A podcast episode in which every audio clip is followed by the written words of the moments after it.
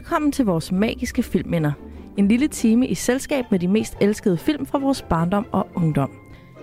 Overfor mig sidder kulturgeograf, kunsthistoriker og filmekspert Martin Nybo Steiner, og mit navn er Mathilde Anhøj, og jeg er kulturanalytiker med speciale i populærkultur. Vores koncept her i programmet er, at vi skiftes til at vælge en film, som vi har et særligt nostalgisk forhold til, og så dykker vi sammen ned i både filmen og i dens kulturelle kontekst. Og så forsøger vi at vurdere, om der virkelig er tale om en filmperle, der selvfølgelig ikke skal i glemmebogen, men fortjener en plads i programmets fornemme filmskattekiste. I sidste uge talte vi om Ghostbusters fra 1984, sådan en slags splattergyser komediefilm, Martin. Den var du glad for, men du anerkendte også, Altså, jeg anerkendte også, at, øh, at den var meget af sin tid, ikke? Øh, ja. og, og netop jo, og det hænger jo fint sammen med programmets overordnede sådan stemning og idé, at det var, det var også en film, som ligesom levede meget på den nostalgi, den, den har, med, med, og på en eller anden måde lø, har lykkedes ligesom at skabe sit eget sådan, øh, kulturelle imperium ud af et, altså, et, sådan en lidt magisk sammenblanding af nogle ting, der virkelig fungerer i den der film, som gør, at mange deriblandt mig selv øh, er villige til at overse også de mange ting, som måske ikke er så heldige. Ja, som for eksempel sådan ublu kvindehad. Men det skal vi ikke tale om i dag. Øh, vi skal 10 år frem i tiden fra 1984. Vi skal helt frem til 1994, og så skal vi tale om en dansk film. Øh, det er en historie om to unge jurastuderende, der keder sig så meget i deres småborgerlige parforhold og kedelige studier, at øh, de begynder at give hinanden nogle udfordringer for at få lidt spænding i tilværelsen. Og samtidig har den ene af de her to unge studerende fået et arbejde på Retsmedicinsk Institut, som har ret travlt for tiden øh, i filmen, da der er en seriemorder løs i København. Og udover det her øh, skønne setup, så byder filmen både på Sofie Grobbel, Lotte Andersen, Ulf Pilgaard, Kim Botnia, og så selvfølgelig også en meget ung Nikolaj Koster Valdau som nattevagten. There is a liquid sky all over the world. Tonight it comes for your body. It comes to set your soul alight. The cards have been dealt from our hands, they will melt. There is a liquid sky all over the world tonight.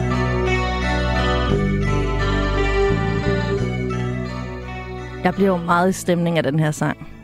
Ja, det er, jo en, det er jo i hvert fald en sindssygt god sang. Jeg har aldrig selv været nogen stor sådan sort sol-fan, det er jeg nødt til at indrømme, så om det er lidt pinligt. Øh, så, så er det aldrig rigtig noget, der har, der har talt om, at det her er virkelig en god sang. Øh, men jeg vil faktisk sige, at jeg kommer mere i øh, sådan jeg kommer mere i 1994-stemning, end jeg nødvendigvis kommer i nattevagten-stemning. Altså, jeg synes, film, sangen passer fint i filmen, og det er jo, altså, øh, jeg ved ikke, om det er Sort Tro, der har lavet al musikken, men i hvert fald en del af det, og det er sådan den der type musik, der, der, der spiller, der ligesom, øh, som karaktererne lytter til i filmen, når de, øh, når de hører musik, de unge karakterer i hvert fald. Ja. Øh, det er jo ikke sådan, altså, det er jo også en lidt uhyggelig sang, men jeg, ja. jeg, men jeg ved ikke, jeg derfor ikke sådan kulde, kuldegysninger ned ad ryggen, når jeg hører sangen nødvendigvis. Jeg får i virkeligheden positive minder om sådan min, min ungdom og ja. teenageårene og sådan noget. Jamen, jeg vil også sige, for mig er den også mega... Altså, jeg har sikkert hørt den senere og for skudt, men du ved, tid er jo en flydende størrelse, det som det. Marcel Proust jo har slået fast i syv lange bind. Øhm, men jeg får også bare sådan den der 90'er-følelse af den. Og øh, altså, nattevagten, kommer jeg også til. Altså, den, den flasher også foran mine øjne, når jeg hører den her sang. Og den var fast inventar i, uh, til alle videoaftener i folkeskolen, sammen med barbecue chips og Faxe Kondi og den der lugt, man vågner op til. Mm. Sådan alt for dampet værelse med soveposer og Ja, når man har sovet seks mennesker på et eller andet børneværelse. Præcis. ja. Men 1994, det var altså også året, hvor vi mistede Kurt Cobain. Øh, men øh, også der, hvor vi fik tv-serien Venner. Og Sega'er begyndte at blive skiftet ud med Playstations. Jeg kan jo huske, at mine venner havde Sega'er. Jeg har mm. aldrig haft noget af det. Nej. Men øh, det var altså... Øh, altså det her med Playstations, det begyndte allerede her. Det gjorde det ikke i Sorø, kan jeg fortælle dig. ja. Men åbenbart andre steder. Men det er rigtigt, at det, altså, man kan sige, det, var, altså, det var virkelig der, hvor man tænkte, når man, altså, at 90'erne begyndte på en eller anden måde også rigtigt. Og, og, og, og blandt andet ved det her med, at vi gik ligesom fra de her sådan 8-16-bits maskiner, som var dem, der var fra vores barndom, og så op i netop de her sådan Playstation og senere Xbox og sådan noget, som ligesom for dem, der i hvert fald går, gik op i, i spil og gaming og sådan noget, var det, der kendetegnede ungdomslivet på en eller anden måde, ikke? hvor det Mm. andet var forbundet med barnelivet i hvert fald for, Ja. for folk af vores generation, tror jeg. Ja, nok rigtig meget, ja. Øh, det var jo et mega vildt filmår 1994. Øh, vi fik både Pulp Fiction og Forrest Gump og Løvernes Konge også. Øh, men i de danske biografer, så der fik vi altså Nattevagten af Ole Bornedal. Og samtidig med det her, der kunne øh, tv-skærmen jo byde velkommen til Ride af Lars von Trier. Og så i øh, 95 og 96, kort tid efter, der kom Sidste Time og øh, Mørkelej af Dennis Jørgensen. Så der var jo lidt sådan gyserbølge over Danmark i hvert fald, Mm. synes jeg godt, man kan sige. Det kan man bestemt godt, det kan man bestemt godt sige. Øhm, og vi har jo nogle gange talt om det her med, hvor er det den sådan, nuværende bølge af sådan selvsikkerhed omkring dansk film, som måske er ved at sådan æbbe lidt ud, men jo faktisk har varet i lang tid, og sådan selvopfattelsen af Danmark som sådan et, et seriøst filmland, der, der bør og kan tale med ved de store spor. Øh, vi talte om det i forbindelse med Babettes gæstebud, som ligesom er en oprindelseshistorie, den her den første danske film, der vinder øh, Oscar'en for bedste udenlandske, øh, eller begge engelsk, ikke engelsksprogede film, som det hedder nu.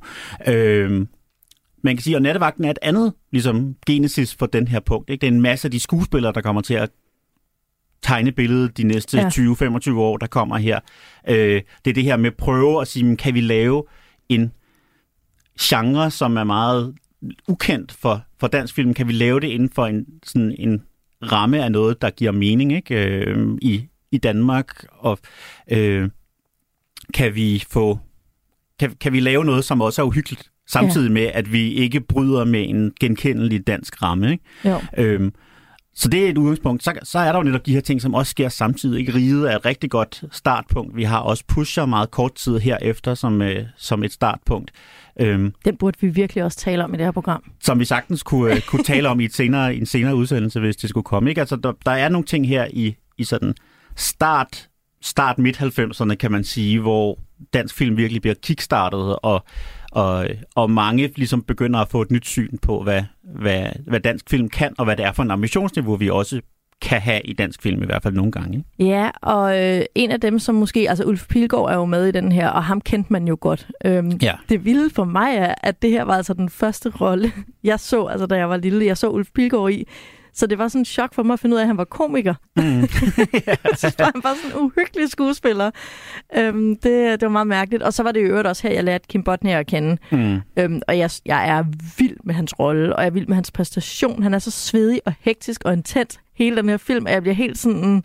Det er nærmest som om, hans sådan, psykiske ustabilitet smitter.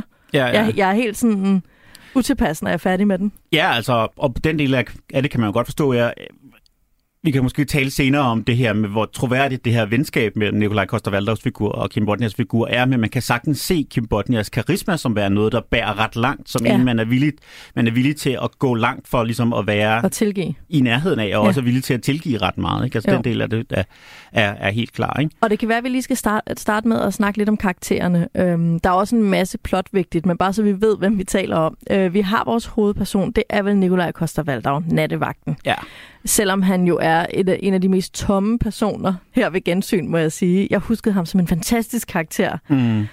Men, men jeg synes stadigvæk, han er sjov. Altså, jeg synes, han er en god karakter. Han er simpelthen sådan en intetsigende smuk ung mand. Altså, ja. Og, det, og jeg synes egentlig, han gør det meget godt nogle gange. Altså han, den måde, han ligesom... Han er jurastuderende, og han er... Jeg tror... Jeg synes, man kan mærke, at han er en karakter, ham her Martin, som han hedder. Han er vant til at være lækker. Mm. Altså han mm. regner med at slippe afsted med ting, men han har heller ikke behøvet at være grænsesøgende eller udvikle nogen form for sådan øh, personlighed, der skal trænge igennem, for det behøver han ikke. Han har sit udseende. Mm, og i øvrigt sine forældres penge, ikke? Altså det Jo. bliver også antydet nogle gange, at, øh, at han bare kunne bare spørge sine forældre. Altså han behøver ja. sådan set ikke det her arbejde på retsmedicin. Det er noget, han har som en del af et eller andet sådan egocentreret frigørelsesprojekt, hvor han sådan føler, altså jeg går ud fra, at det stadigvæk er hans forældre, der betaler for den der giga-lejlighed, hvor ham og Sofie Groppe bor. Ja. Man går ud fra, at han stadig får penge af sine forældre, men han har så et behov for at have en eller anden grad af indtægt selv, så han Ja. sådan kan, kan lyve over for selv, og så siger han sådan, er et selvstændigt individ. Ikke? Ja, og, og det kan man da godt forstå. Og jeg tror, vi har hans gode ven Jens her. Jeg får fornemmelsen, at han også er en rigmandssøn. Ja, det tror jeg også. Ikke? Altså, de er sådan to, og det er måske også der, hvor den her film lugter lidt af sin amerikanske øh, genre. Mm. At selvfølgelig er det to rimandsdrenge.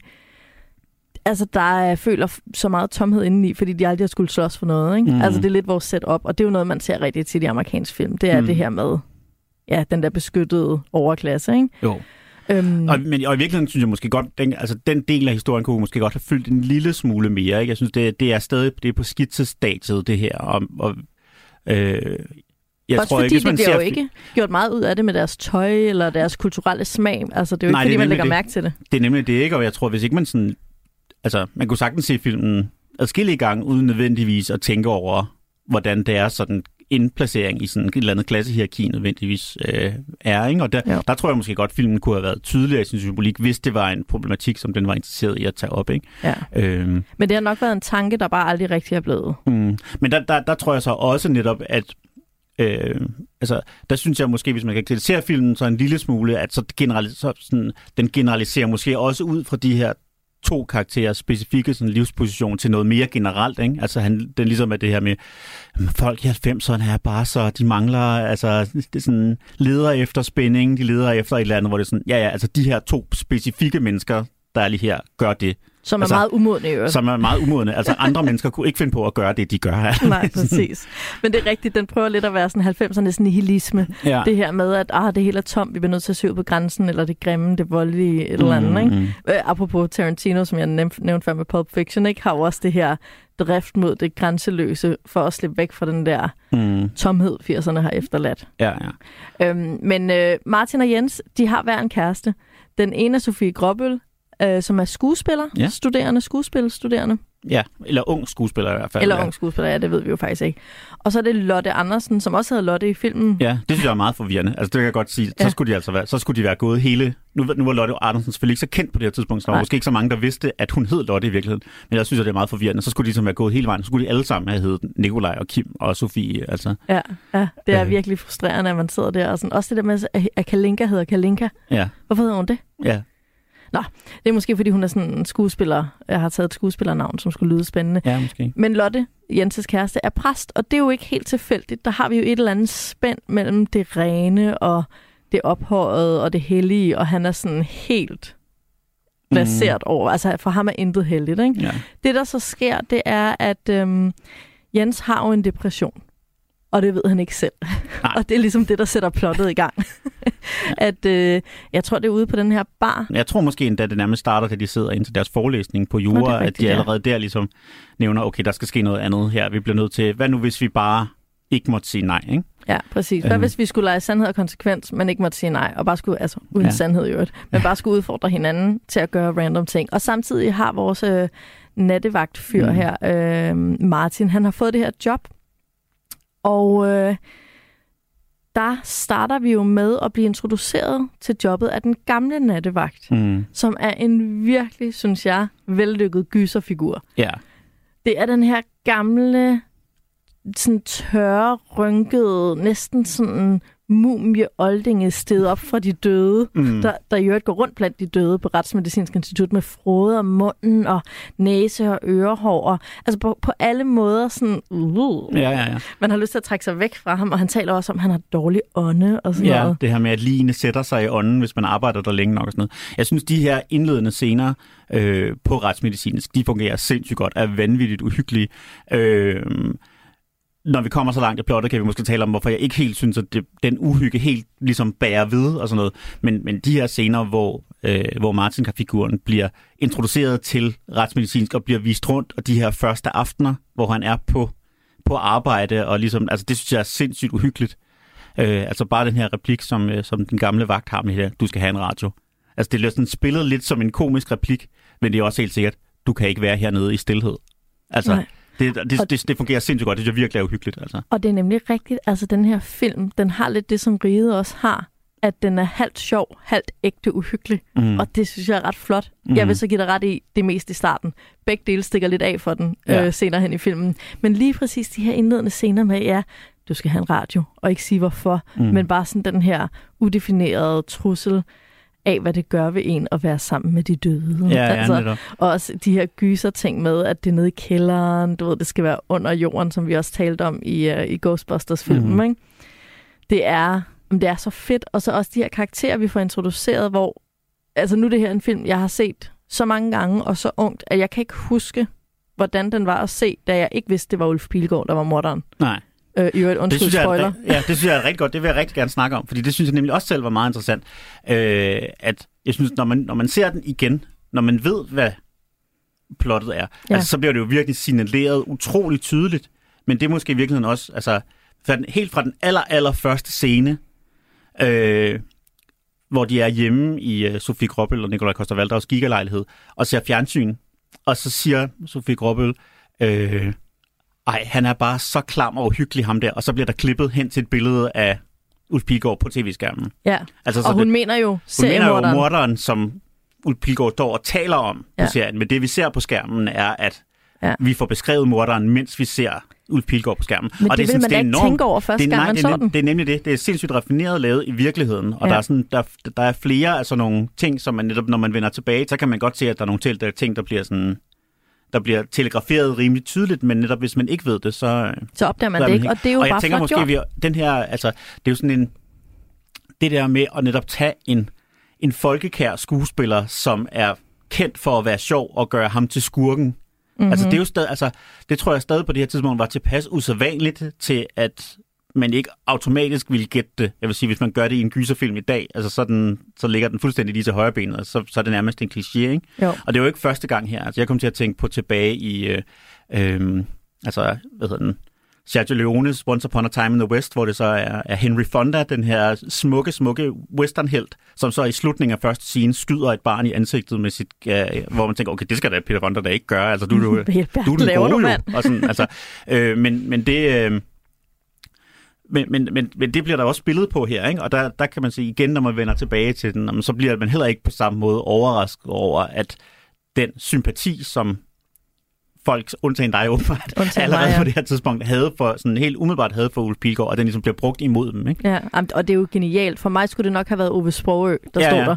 der, øh, for jeg skulle have haft en chance. Ja. Men Ja, det ville have gjort det sådan endnu mindre sandsynligt, end det er det her, hvordan han bare så nemt kan over, kan sådan besejre i slåskamp to meget Ja. yngre mennesker sådan senere Men. Pilgaard, han er utrolig høj og Jamen, stor, det er rigtigt. er han ikke? Det Jo, kan jo. måske have et eller andet, hvor Ja, at, ej, Ove Sprogø, så skulle han have været sådan Ove Sprogø fra de der slap af film, hvor han er sådan præcis. agent med karate skills. Netop. Øhm, noget, jeg synes er fedt, og som jeg lidt, som begynder at dæmre for mig, øhm, det var de andre mistænkte. Og dem Mm. har jeg ikke tænkt på i mange år, fordi det har bare været Ulf Pilgaard, der var den uhyggelige. Mm. Men øhm, der er jo blandt andre den her overlæge, eller, eller øh, i hvert fald vagtlæge, der bliver Mhm. ringet til, som er meget kølig, sådan Mhm. meget kynisk lægetype. Ja. Øh, meget travl, meget smart i en fart, da, da, da, da, øhm, ligeglad med mennesker, iskold. Mm. Og han kunne jo godt være morderen, og det ved man. Altså det synes jeg, det er sådan lige efter Agatha Christie's øh, skabelon. Og altså man ved, at han kan være morderen, men mindre man læser mange krimier, så ved man, at han ikke er morderen. Ja, for han er fordi for åbenlyst Han er den usympatisk. første, man lægger mærke til. Ikke? Præcis. Men det som... Og det øh, samme gælder jo i virkeligheden for, for Jens-figuren. Ikke? Altså man kan sige, det vil være, inden for filmens logik, er han den mest logiske, fordi vi ved, at han er psykopat. Ja. Men det er også bare for nemt. Altså det, hvis det bare var ham, det ville være rigtig kedeligt, ikke? Jo, jo, det ville det. Men, men samtidig, da jeg så den her nu, jeg var sådan her, jeg følte virkelig, den legede med mig. Altså, jeg havde glemt, hvor meget jeg, da jeg var yngre, følte, at det nok var Jens. Altså sådan mm. det Mm. der med, at jeg vidste jo godt, det ikke var det, men jeg havde glemt den der følelse af mistillid, når Martin står og stiger på sin bedste ven og bare ikke ved, er du bare syg, som jeg, syg i hovedet, sådan, som jeg troede, du var på sådan en sjov drengemåde, mm. eller er du faktisk sindssyg? Ja, der synes jeg faktisk, at når man ser filmen, der går den simpelthen over stregen i forhold til, at det, som Jens gør, altså det er simpelthen, altså det er altså langt ud over, hvad der sådan er drengesnakker. Han er jo reelt psykopat og har jo gjort ting, som han burde Men komme var i det også det i 1994? Jamen det er så ikke, det er For ikke det klar jeg tænkte over, altså tror jeg, jeg tror, da jeg sad så nu, der tænkte jeg, at Jens var meget mere psykopat, end jeg tænkte, han var, da jeg var 10 år så den. Ja. Der tænkte jeg bare sådan, at han er en værre en. Ja, ja, jamen det, ja, men det er rigtigt. Altså, jeg, jeg tror, jeg har lidt den Altså samme... blandt andet den her behandling af en prostitueret, en, som han udnytter, altså øh, begår, Ydmy, ydmyger, ydmyger, begår psykisk vold imod, Ja. terroriserer. Altså han var, med, med lovgivningen i dag, Mm. så var han røget i fængsel for det, han gør mod den prostituerede. Ja. 100 procent. Udover at hun så kun er 16, så det er i sig selv. Men Det der, der mig. er altså et eller andet, netop, og jeg ved ikke, om det simpelthen er tidsånden, der skal, eller det har, det har været meningen, men jeg synes faktisk, det giver altså også et problem i forhold til den her sådan, forløsning til sidst, at mit moralske jeg siger, okay, de har simpelthen ikke, altså, det, at Kim Bodnia, han offrer sin tommefinger til sidst for at redde sine venner og sig selv, det er simpelthen ikke nok til, Nej. at han sådan er redeemed som karakter. Altså, Nej. det, det synes jeg virkelig ikke. Men det tror jeg altså, det var dengang. Ja. Altså, jeg synes, jeg kan huske. Der er jo det her, de kommer igennem alt det her, og hele plottet udfolder sig ved, at det er ligesom, det kommer jeg lige tilbage til om lidt, men der er en masse ting, der bliver placeret i starten, og det hele vælter ind nærmest samtidig til sidst i filmen i sådan en kæmpe klimaks, Mm. øh, hvor alle vores mistænkte også på en eller anden måde er samtidig på stedet. Mm. Øhm, så, og det er jo også en meget klassisk øh, lukket rums øh, krimi, altså det her med, at vi har alle de mistænkte samlet på Retsmedicinsk Institut, mm. når Mm. Poirot, når Hercule Poirot skal gå, gå dem alle sammen igennem, ikke? Ja. Ikke på samme guldalderkrimi-måde, men i sådan en moderne version, hvor de tilfældigvis alle sammen er med på selve aften via telefoner og Ja, ja, ja. opkald og sådan noget, ikke? Mm. Så det hele ligesom er tilspidset. Mm. Mm. Øhm, Jeg har faktisk, apropos Ja. Jens, en speci- specifik scene, som man godt kunne tænke mig at snakke om. Fordi jeg, det eneste, hvor jeg faktisk var usikker, da jeg sad og så den nu her, øh, på hvordan den skulle tolkes, og jeg er interesseret i at høre din... Øh, din øh, vi er lidt senere i filmen, så du springer lige lidt frem i plottet, men det er ikke en scene, der er så vigtig for plottet. Øh, nemlig, de er på et tidspunkt, tager de alle sammen til øh, Lotte Andersens første gudstjeneste. Hun er ligesom ved at blive uddannet som præst, og nu skal hun ligesom lede sin egen gudstjeneste for første gang.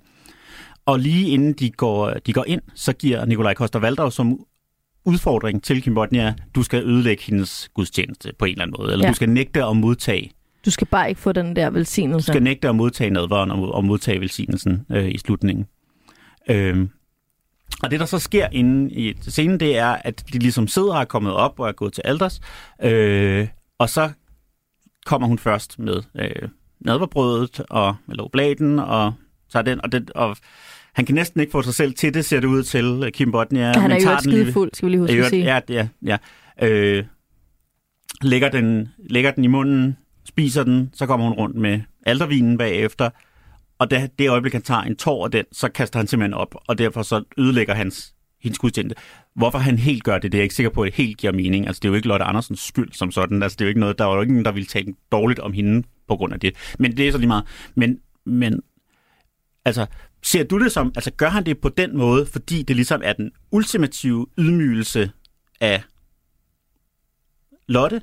Gør han det, fordi han i virkeligheden kæmper med sig selv, men han, han, hans drev mod at leve op til det vedemål, han har lavet, er stærkere end hans sådan, overjeg på en eller anden måde.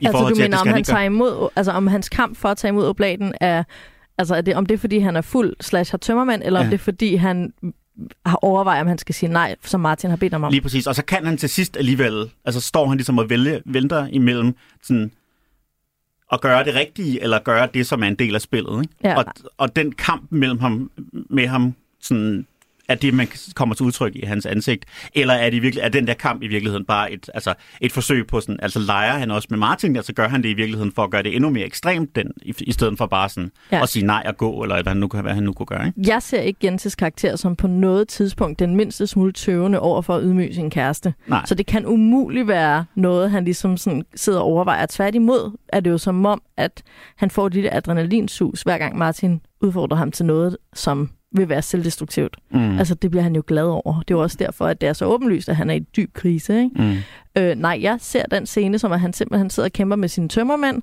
og at det simpelthen er et heldigt sammentræf, at han kommer til at brække sig af aldervinen, Mm. øh, og dermed får ødelagt gudstjenesten som udfordring Ja, var. du tænker, tænker, han ville simpelthen have ventet til efter nadverdelen var overstået, og når hun så skulle til at give velsignelsen, så ville han sige nej og gå. Det var det, der var hans plan. Ja, eller også så kunne han godt mærke, at han skulle kaste op, og nogle gange har man en lille smule kontrol der. Ja, Ikke? Altså, man kan sådan udsætte det, eller man kan bare give los. Og så ja. Tror jeg, han tænker, perfekt, jeg tager den. ja. Og ellers så ville han bare have lavet noget andet. Altså, jeg tror ikke, han bare ville sige nej og gå, for det ville have været kedeligt for ham. Mm. Han er jo også en klovn, ikke? Det Jo, var jo. også en af hans charme-ting, som, jeg, som er sådan lidt tvivlsom, men Mm. at han er sjov. Det siger han jo også øh, lige efter den her scene, hvor at Lotte står og flipper ud udenfor. Og det er jo øvrigt, Martin. Der er du helt galt afmarcheret, når du siger, at det der ikke er Lottes skyld, eller han ødelægger jo ikke hendes gudstjeneste, fordi han brækker sig. Når en, ens kæreste har et særligt øjeblik, Mm. Så er det vigtigt at mærke, at ens partner værner om det og bakker op omkring det.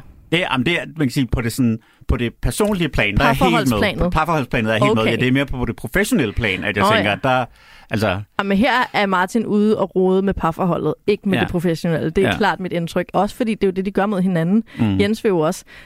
Det, skal vi lige vende tilbage til deres relation, øh, og det her giftige mandevenskab, som er jo en af mine kæpheste at tale om her i programmet. Det er et rigtig godt eksempel på det. Men der siger Lotte Andersen, der står og flipper ud, og har intet er heldigt for dig, og Jens kommer hen, undskyld, undskyld. Og hun er sådan, Åh, du lugter af bræk. Og så siger mm. han, ikke lige så meget som døbefonden. og du ved, han er ikke engang sådan, han ved godt, han er ikke rigtig sjov, men det er modet. Ja, ja. Altså, at han tør lave en joke. Mm. Han er lige blevet næsten tilgivet. Ja. Og så laver han en joke om... Altså, det viser bare den der type, han skal være. Den dreng, det voksenbarn, er blevet tilgivet for mange gange mm. i sin barndom. Hans forældre mm. har ødelagt ham med tilgivelse. Ja. Det er simpelthen for, for groft. Lad os lige snakke lidt mere om det her cast og de her skuespillere. Fordi som jeg også sagde i starten, så har vi jo altså simpelthen... Altså det er et fantastisk cast, cast sådan retrospektivt. På det her tidspunkt vil man nok betegne det som et cast af, lo, af lovende unge skuespillere. ja. ikke Folk, der ikke havde haft sit uh, gennembrud endnu, og som primært var kendt som teaterskuespillere, eller nogen, der havde spillet biroller og, og sådan noget. Ikke? Kendte øh, man Nikolaj dengang? Øhm, altså han, det var ikke hans første filmrolle, men han var ikke kendt. Nej, altså, på det fordi jeg kendte ham kun fra den her film. Ja. Flere af skuespillerne havde jo så spillet sammen på, på Dr. Dante, øh, det her sådan eksperimenterende teater oppe i Allerød, som sådan ligesom var, var fødested for rigtig mange af de her, både skuespillere og dramatikere, som sådan senere kom til at dominere op igennem 90'erne. Der og var hvad flere... er det for en slags teater? Øhm, jamen, dengang var det et eksperiment, altså det findes ikke mere, øh, men det var et eksperimenterende teater. Okay. Et, øh, men, men sådan et moderne, meget 90'er eksperimenterende teater. Som, så noget, hvor de ikke havde kostymer på, og ikke havde nogen rekvisitter, men bare stod i et mørkt rum og skulle mm, det, være det, rollerne? Altså det var, kunne være, altså nu er det jo lidt før min tid, så jeg har kun hørt om det, men, øh, men, det, så, men, men, men det var, altså det kunne være eksperimenterende på alle mulige forskellige mm, måder. Det lyder rigtig kedeligt. Det var, ja, men jeg tror, det faktisk var rigtig fedt. Øh, Øh, på samme måde som der sådan også har teater nu, ikke? så har det så været Mungo Park i en periode, i øvrigt også i Allerød, og, og, og ja, Republik her i København og Aalborg Teater, sådan nogle, som, som netop er nogle af de der arnesteder, hvor rigtig mange af de her unge skuespillere når at lære at blive gode. Og der er jo flere af de her, øh, blandt andet Kim Bodnia og Lotte Andersen, som begge to er Dr. Dante sådan, Hvem? mennesker. Kim Bodnia og Lotte Andersen kommer, og begge, Andersen, to, okay. kommer begge to derop fra.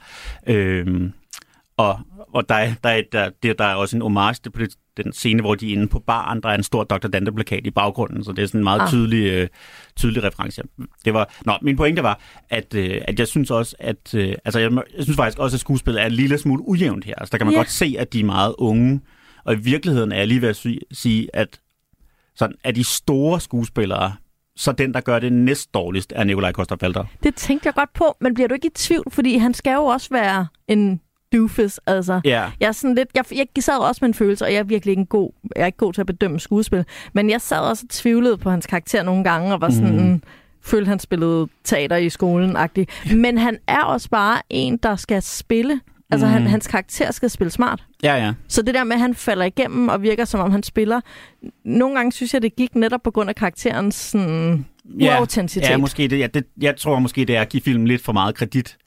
Øh, hvis man ligesom Nikolaj tænker, at det. Og Nikolaj, hvis jeg havde været en mand, har du sagt, du er bare forelsket ham, fordi han er smuk. ja, det er det. Altså, øhm, altså jeg, jeg, jeg tænker, han også er en, en ung og lidt uerfaren skuespiller, og derfor er der nogle replikkerne, som bliver leveret sådan lidt ikke så overbevisende, kan man sige. Der er også, han, han skifter også dialekt en lille smule undervejs i filmen på en måde, som jeg ikke synes helt giver mening i forhold til hans karakter, hvor han nogle gange taler meget københavnsk, og nogle gange taler lidt mere sådan nordsjællandsk og sådan noget. Øhm, det er da super troværdigt for sådan en ung jurastuderende, der prøver der kommer at fra Nordsjælland og flytter til København. Præcis. Måske, måske så er det, altså hvis det er med vilje, så er det meget, meget subtilt gjort, vil jeg sige. øhm, jeg synes, øh, Kim Bodnia er virkelig god. Er han øh, ikke? Sindssygt god. Jeg synes, Pilgaard er rigtig god. Jeg synes, Sofie, Altid. jeg synes, Sofie Gråbøl er virkelig god. Altid. Øh, og så smuk. Ej, hvor er hun bare Jamen, hun er så altså, smuk. Øh, Også fordi hun ikke er mærkelig her. Ej, hun er fandme altid så mærkelig i sine roller. Ja. Og jeg, altså, Lotte Andersen synes jeg er lidt teateragtig. Ja. Øh, i sit sådan... Men igen, hun er jo en præstestuderende. Ja, ja, hun altså, er også sådan, hun en performer, er jo lidt, Ja, hun er jo sådan lidt... Øh... En intellektuel performer. Ja, ja, en intellektuel performer, ja. Hun er også en, der går med kraftig læbestift og har lidt sprød, sprød korthårsfrisyr, du ja, ved, ja. ikke? Ja, og hun er, altså, hun er rigtig meget sådan en start 90'er type, ikke? På den ja. her nemlig øh, sådan... Um, de her de, de nye teologer på en eller anden måde, ikke? Altså, mm. de, nu kom flyttede jeg jo til København lidt nogle år efter den her film, men den her type fandtes i hvert fald absolut stadigvæk, ikke? At, jo, jo, jo. Af, af teologistuderende, som man sådan kunne møde i byen. Ikke? Jo. Og det man kan sige, det er jo også, jeg ved ikke om det er starten på, men det er i hvert fald et meget tidligt eksempel på den her nærmest sådan kliché i dansk film, hele vejen op igennem 90'erne, at der altid skulle være en præst med.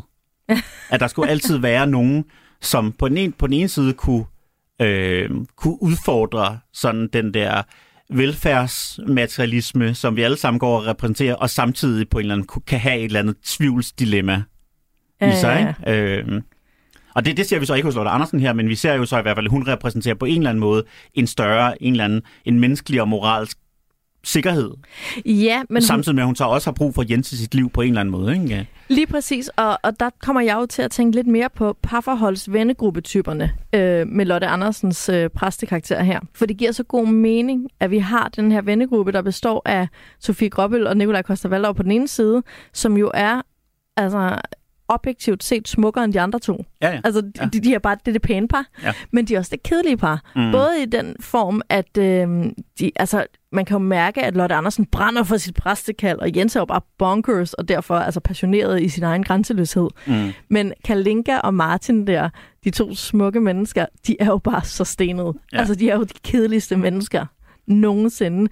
Og deres parforhold er også lidt kedeligt. Sådan, de skændes ikke rigtigt, de har ikke rigtig noget på spil. Mm. Selv da Martin har været sådan semi-utro eller et eller andet, der kan man mærke, at de ikke rigtig er ved at slå op. Hun ja. Er bare sovet. Eller sådan. Det, det, de er bare så upassionerede. Og så på den anden side har vi det grimme, kaotiske, destruktive, stormfulde par, mm. Som er, er, du ved, præst og psykopat. Altså, det var så meget mere intens Ja. derovre, ikke? Selvom, og, og både grimmere og, og livligere. Mm. Jeg synes også, jeg synes også, at skuespillerne på nogle steder i hvert fald, jeg synes som sagt, at præstationerne er svingende, og lad os slet ikke tale om den absolut værste præstation i filmen, nemlig Ulrik Thomsen, som jeg synes er helt rædselsfuld i den der ene scene, Så han er med. Sjovt. Altså, jeg, vi skal lige minde folk om, fordi jeg, jeg, jeg havde glemt det med Ulrik Thomsen. Ja. Øh, den scene, som, er Ulrik, som gemmer på Ulrik Thomsen, det er de der to rockertyper på baren, mm. som generer alle kunderne og intimiderer. Øhm, Og lægger ind på Lund Andersens. lægger ind på Lotte Andersen og hiver Kalinka i håret. Altså de her totalt altså prullerbøller, ikke? Ja.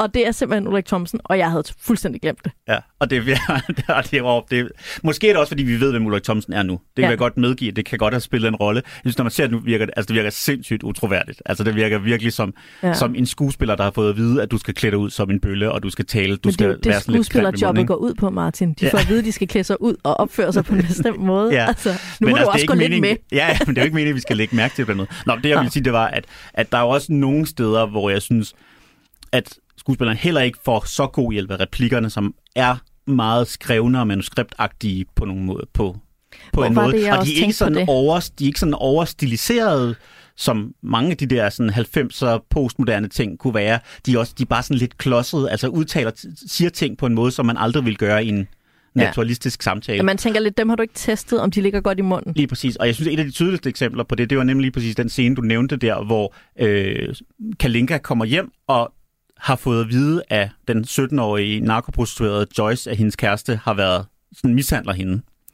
Øh, og hvor han ligesom kommer hjem, og så, og så på den her sådan meget manuskriptagtige måde, i stedet for bare at sige, det er Jens, der har brugt mit navn. Ja. Så bliver det sådan, ej, nu må du lytte på mig. Hør nu, hvad jeg har at sige. Nu Ja. er der sådan, i stedet for, altså kom nu. Altså, Ja, sig det nu bare, så hun det fatter vil man aldrig gøre i virkeligheden. Altså, ja. der vil han ligesom komme til sin pointe, ikke? Øh, men det er meningen, der Og skal han ligesom være... gennemtrumfe, han vil ikke have brug for, at hun lyttede, ja, eller ja. sådan havde øjenkontakt, for han sagde det. Han ville Især når han jo har en helt plausibel sådan, undskyldning Ja, ja, For, ja. at- For, for, at han ikke har gjort noget, som netop potentielt set både kunne ende hans parforhold og bringe ham i fængsel. Ikke? Altså, det er Jo, sådan, jo, jo. Men der, det er en af de steder, hvor jeg også tænker, at en vigtig del af karakteren Martin er, at han er lidt dum. Ja, Altså, han Jamen, er det tror jeg, simpelthen du har lidt slow i optrækket, og det er jo Ja. også det, vi ser. Altså, det er jo klassisk, det der gyserfilm. Nu er det så en mand, ikke? Men at der er en eller anden idiot, der bliver offer for en klog morder, Ja, ja. fordi han bare er dum og smuk, og det er Mm. normalt en kvinde, og jeg synes, det er skønt at se Nicolai Coster Valdau i den rolle. Ja. Og tilbage til gyserplottet, for der er nogle ting, som jeg simpelthen synes er så fede. Du talte i starten om det her med, du skal have en radio. Mm. Øhm, der sker nogle andre ting i den her introscene, hvor den gamle nattevagt giver os øh, rundturen på øh, retsmedicinsk og ned i kælderen hos Line, og hvad der er derinde, og der er sådan organdele i jeg ved ikke, kemiske væsker, og hvad Mm. ved jeg. Men han gør også nogle andre ting. Han viser alarmen, og så siger han, den ringer aldrig. Og alarmen bliver altså trigget ned fra kølrummet med Line. Så Ja. nej, selvfølgelig ringer den aldrig, men det han siger det, jamen, det er meget Ja, ja, det forvirrende. Den der alarm ser vi altså, så ser vi brødkniven, Mm. øh, ret hurtigt, som jo bliver relevant senere. Øhm, og så øh, ser vi også arkivskabet. Han Mm. siger, det er der personalfilerne er, bum. Og ja, man lægger jo ikke mærke til, eller jeg lagde ikke mærke til det i starten.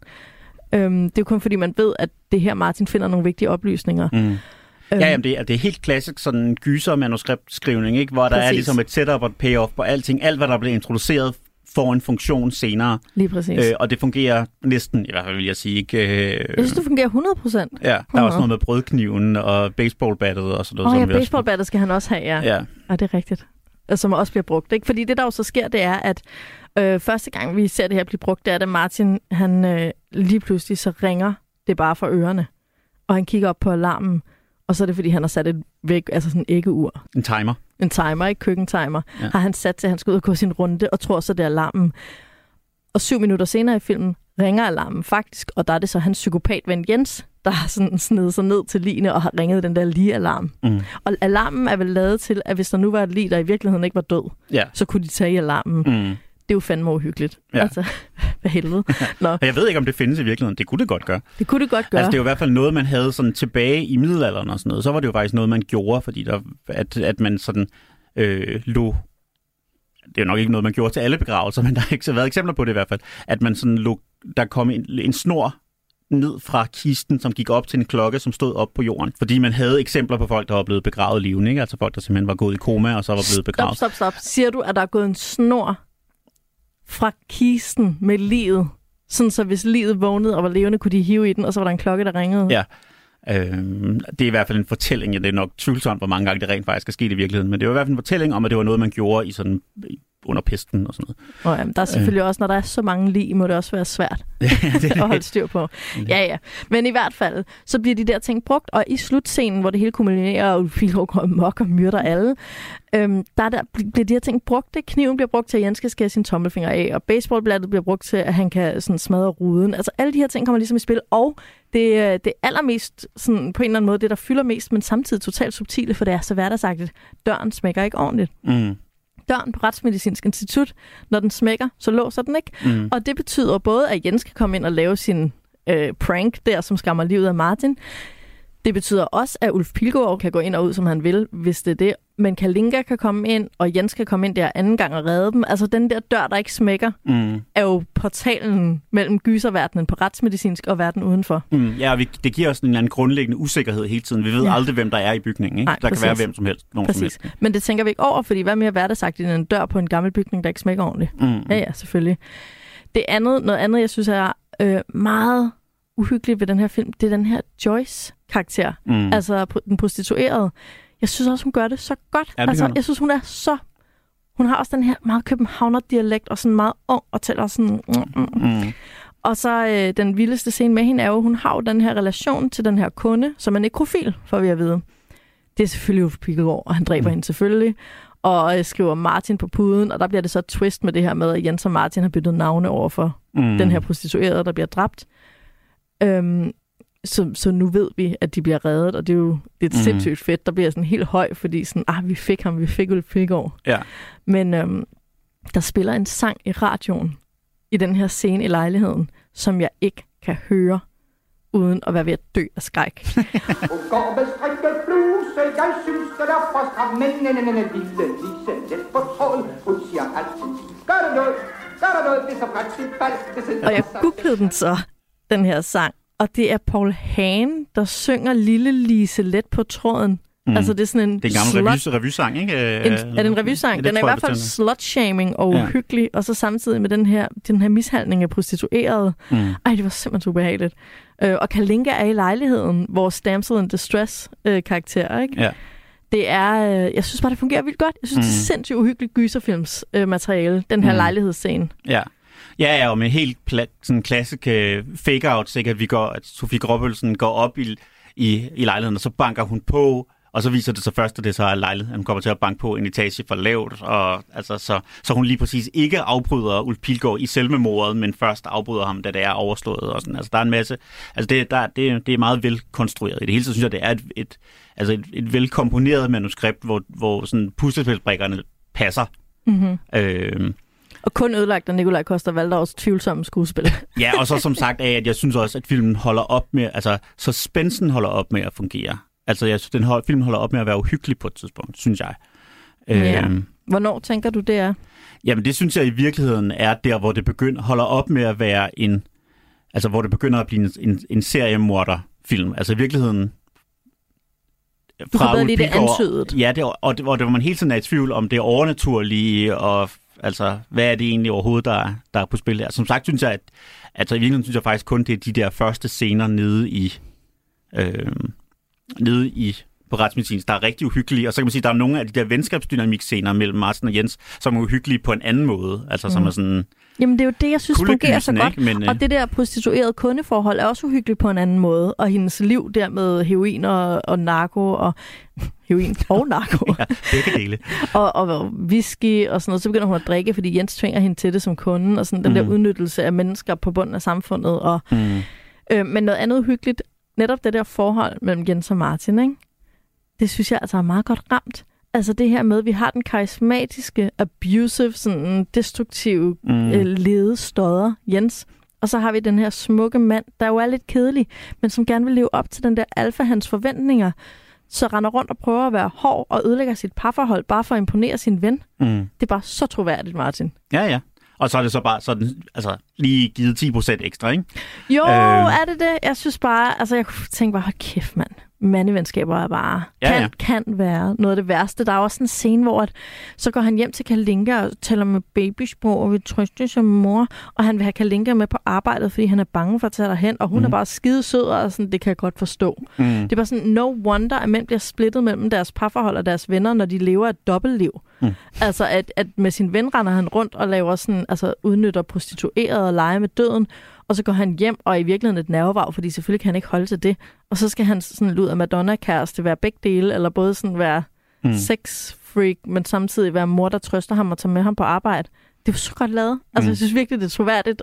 Og den der intimitet, de har, som han ikke kan få med ind i venskabet, men samtidig bliver parforholdet også bare sådan lidt klamt, fordi det bliver sådan et alt for blødt sted, hvor han ikke er Mm. sej, Ja. altså, og udfordrer noget. Ikke? Altså, der er sådan en mærkelig opdeling, Mm. Som Jens jo også gør. Altså, hans interaktioner med Lotte er jo også sådan, åh, oh, så Lotte, vil du ikke nok tilgive mig? Mm. Og så skal de rigtig være bad boys ude i verden. Ja, så det er jo, og det er jo i virkeligheden kun i kirkescenen, at det så ligesom kammer over for ham, ikke? At Jo. han sådan ikke kan undgå at vise, hvor dumt et svin han er, hvor fordi han er han i virkeligheden tilpas fuld, ikke? Og det slutter jo så med, at øh, de bliver gift, fordi det er ligesom den, der ikke klarer prøven, skal Mhm. mm. gifte sig med sin kæreste og øh, bliver dømt til en evighed i kernefamilien, som Mhm. mm. jo er det værste, man kan tænke sig for de her to unge, sådan on the road, Jack Kerouac-agtige... Øh, Lotte Andersen er jo så øvrigt også blevet gravid på det her tidspunkt, så det er jo også, har Nå jo ja. formentlig også noget med, med det med brylluppet at gøre, man går ud fra. Sandt, sandt. Øh, men så giver Martin Jens en sidste udfordring, som så er, at han skal sige nej Mm. til at blive gift. Og så kommer præsten til at lave en fejl og spørge, om Jens vil giftes med Martins kæreste Kalinka, og så kan han jo så sige nej, Ja. uden faktisk at sove Lottes følelser. Ja. Så endelig blev der zonet mellem de her to yderligheder af giftigt mandevenskab og sådan baby-mor-parforhold. Jeg for, jeg for, altså, er det også, Well. skal, skal Martin og Kalinka også giftes bagefter, tror du? Hvad mener du? Jamen, Ja, altså, er det ja, dobbelt, ja, det er er det et dobbeltbryllup. Ja okay, da. godt. Ja, For de har jo begge to for, altså ikke... Men altså, Sofie Gråbøl har jo sort kjole på. Ja, ja. Men er det ikke Altså, bare, det- fordi hun er skuespiller og interessant Jo, og mystisk? jo, jo, måske. Det har jeg da altid tænkt. Men det er også, jamen, jeg tænker nemlig også, at det, altså det, at det, at det var tænkt som et dobbelt, Ja, ja, ja. ja. dobbeltbryllup. Vi ser jo bare så aldrig så langt, vel? Men, men fordi Nej. det giver også, altså det er jo den eneste årsag til, at det giver mening, at præsten kunne komme til at lave den til at fejl. Lave, lave den fejl. Ja. ja. Ej, men det er klart et dobbeltbryllup, fordi de begge to har tabt. Det er Mm. begge to ikke hårde nok til at leve ude i seriemorderverdenen, så derfor Ja. ja. bliver de nødt til nu bare at blive kernefamiliemænd. Mm. Øhm, det er bare det tema, som jeg på en måde elsker at se, fordi jeg elsker at have på det, og Mm. samtidig bare sådan, åh, hold nu kæft, eller sådan. Hele den der idé om, at kernefamilien er klam, men det skulle da kun fordi, I morgør jeres kærester. Hvis Ja. I havde opført jer som voksne mænd over for jeres kærester, så havde I måske ikke fået så meget kvalme over at se jer selv Mm. med de her kærester. Ja, ja. Altså, for eksempel på barn, hvor de jo også sidder mm, og ikke står op, og så først når kvinderne går, så kan de rigtig vise sig som nogle rigtige handsvin. Ja. Øh, var sådan, ah, hold nu kæft. Og plus de kritiserer hos Andersen. ja, hvad sker der for det? Hvad fanden kan man sgu da ikke? Siger han er en er det, skvat, og jeg ved ikke, hvad de kalder Ja. ham. Der er også sådan lidt casual sådan homofobi under, i filmen på en måde, så som er sådan lidt starten 1994. Ja. Ej, det er virkelig grimt at se på. Både, både sådan lidt raci- noget racisme og noget lidt homofobi, ikke? Som sådan lige er i, altså... Det er ikke meningen, det skal være sympatisk, men det er heller ikke meningen, det skal være sådan diskvalificerende for dem som karakterer. Det er bare sådan. Ja. lidt et, et, en del af deres personlighed på en eller anden måde, ikke? Jo, fuldstændig, fuldstændig. Det, og, det er jo lidt ligesom i venner. Så det er sådan, Ja. ja. så hader man bare lige på tykke og homoseksuelle for no reason whatsoever. ja. Eller kvinder, der ikke er hotte og sådan noget. Ja. Ja. Det er meget mærkeligt. Um, en sidste ting, jeg synes fungerer rigtig godt i nattevagten, det er nemlig, det talte vi også om lige i starten, men det her med, det er jo en gyserfilm, der har lidt sådan amerikanske gyserfilmsrødder, men som er sat godt ind i en dansk kontekst. Mm. Øhm, blandt andet sådan det her med Martin, der cykler gennem København på arbejde, og tager rygsækken på og går i skole, og passer sit job, og ud at drikke en øl om fredagen mm. med vennerne og kæresterne mm. og sådan noget.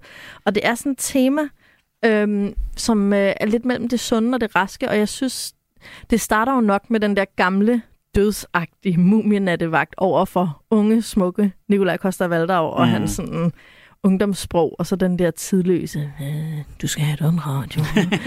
ja. øhm, men der sker også, altså der er nogle andre ting med det her øh, sunde og raske over for det sygelige, fordi den her retsmedicinsbygning med den stengulv og hvad hedder sådan noget, lysstofsrør, ja. øhm, og det der møl i lampen, altså der er sådan noget død skyggeliv, et mm. eller andet. Der er også prostitutionen, og sådan, de spiller vin, og sådan Martin, og, eller ikke Martin, hvad hedder han, Jens Kimbodnias karakter, der bliver mere og mere sindssyg. Og så er der det der sunde, raske dagslys, sex. Kalinka og Martin bliver ved med at have sex i dagslys. Mm. Altså alle deres sengekantscener er sådan dagslys-scener, mm. eller morgenlys. Det er jo også bare, fordi vi også gerne vil se det, ikke? Altså, det er, det er, det er, det er, er rigtigt. Der er ingen grund til at slukke lyset for. Nej. Men også alt det her med, at normaliteten og det sunde og raske, mm. det er ligesom det overlever hele tiden, eller det, det samme eksisterer mm. i filmen. Ja, jeg synes samtidig, at film fungerer rigtig godt i forhold til at holde det ligesom inden for en, sådan en troværdig dansk sådan københavner-ramme. Ikke? Jeg ja. synes tit, det er et problem, som netop sådan gyserfilm i Danmark, at de simpelthen, altså, de simpelthen overdriver eller underdriver den reaktion, der ligesom ville være på, hvis det her nu skete i virkeligheden. Ikke? hvis der nu var en, der dræbte prostituerede i København, det kunne jo godt ske, desværre.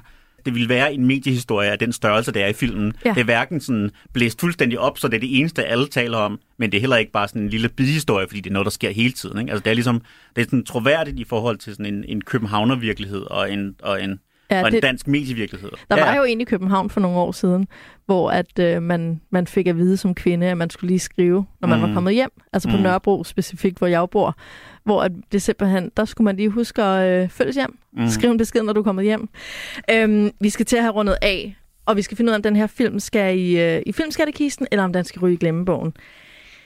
Ja, jeg må indrømme, jeg var lidt overrasket over det her med Nikolaj Koster Valdaus sådan lidt mærkelige, er det dårligt skuespil, eller er han bare sådan en klovn, altså en smuk, ung klovn, mm. øh, der forvilder sig ind i en serie Modders væv. Jeg synes bare stadigvæk, at den er så særlig. Mm. Men jeg ved det faktisk ikke, Martin. Jeg har brug for dig. Nej, altså jeg, jeg tror, jeg er blevet lidt mere overbevist her.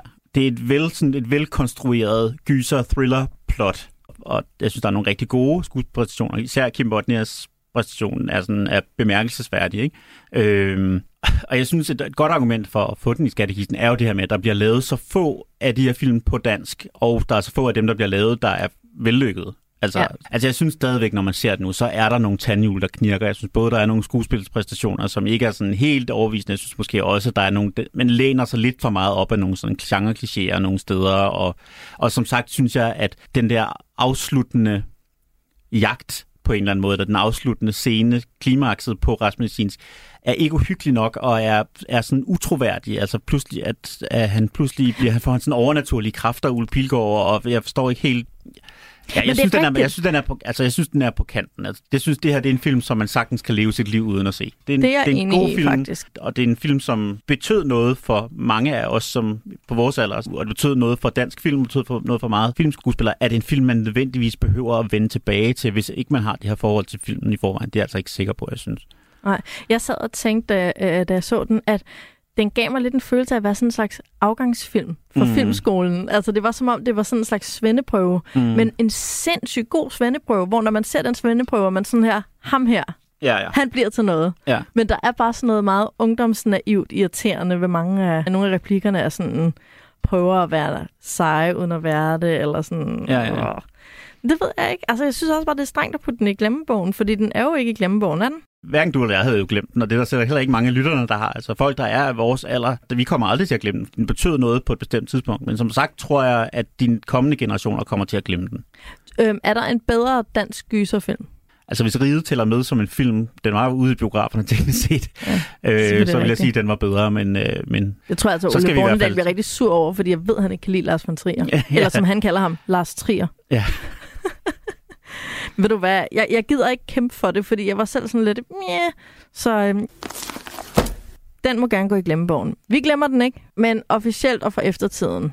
Øhm, i forhold til det her, nu, nu er det jo en film fra 94, så vi taler jo om gamle film, så vi plejer også tit at runde af med lige at kaste noget kærlighed efter et tidstegn. Øhm, I det her tilfælde var der altså et tidstegn, jeg virkelig ikke brød mig om, og det var den der scene med Joyce, altså den måde at behandle mm. en prostitueret på. Hvis det var sket i en film i dag, så havde temaet for filmen været, at mænd er svin, Ja. og, og ikke skal behandle kvinder sådan. Det er det. Så det at sidde og se det, også fordi en ting er Jens, som er psykopat, men Martin går med på det, og det kan mm. godt være, at han skal være smådum, og det kan godt være, at han skal være karakterløs.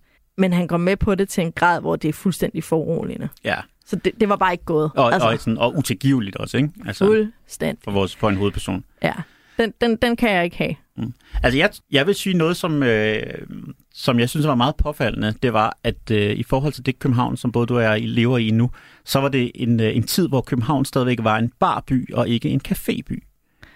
Jeg tror, at hvis vi havde været i dag, så ville der være væsentligt flere, så ville der være nogle af de her scener, der havde foregået på en café, og de havde siddet og drukket kaffe.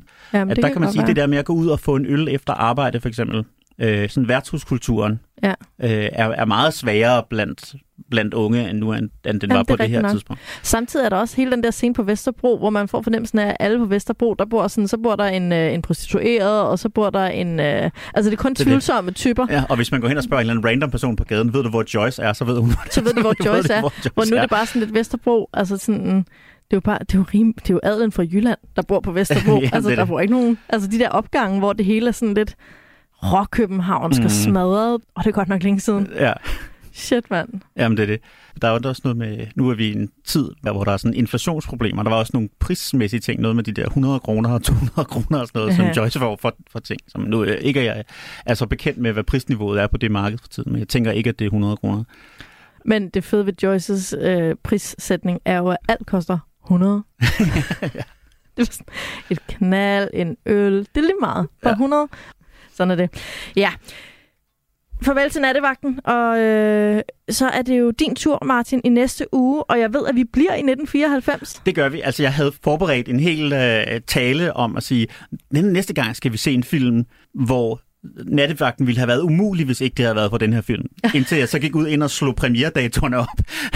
og så at dels at filmen er jo lavet samtidig, kan man sige, så de kan ikke have nået at påvirke hinanden, men de fik faktisk, faktisk fik nattevagten premiere, i hvert fald i Danmark, et halvt år før end, øh, den, vi skal tale om. Men derfor er den altså meget vigtig, ikke desto mindre. Og det kan vi jo så tale om næste gang. Der er jo i hvert fald helt klart nogle tidstegn, som går igen i de to film. Og det er Pulp Fiction, vi taler om, kan jeg afsløre.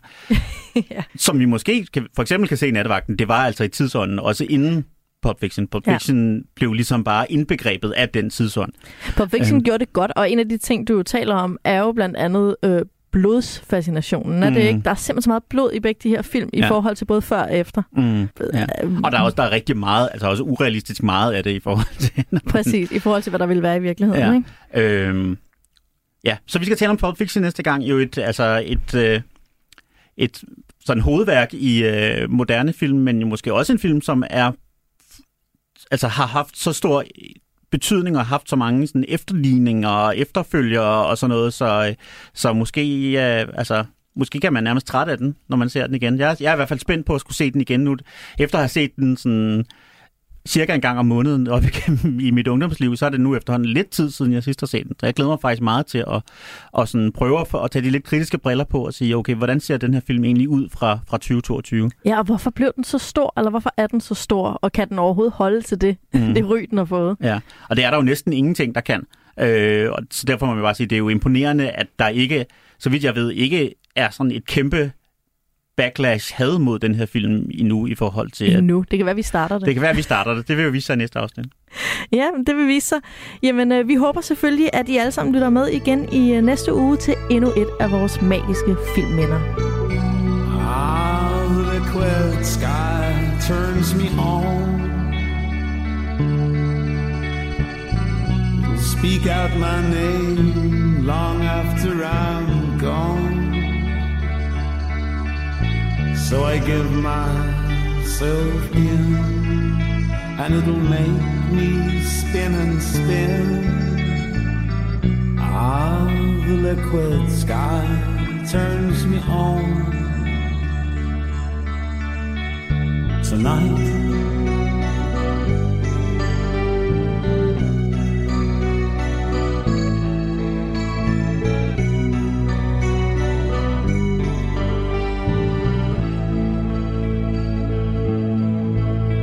Let your fingers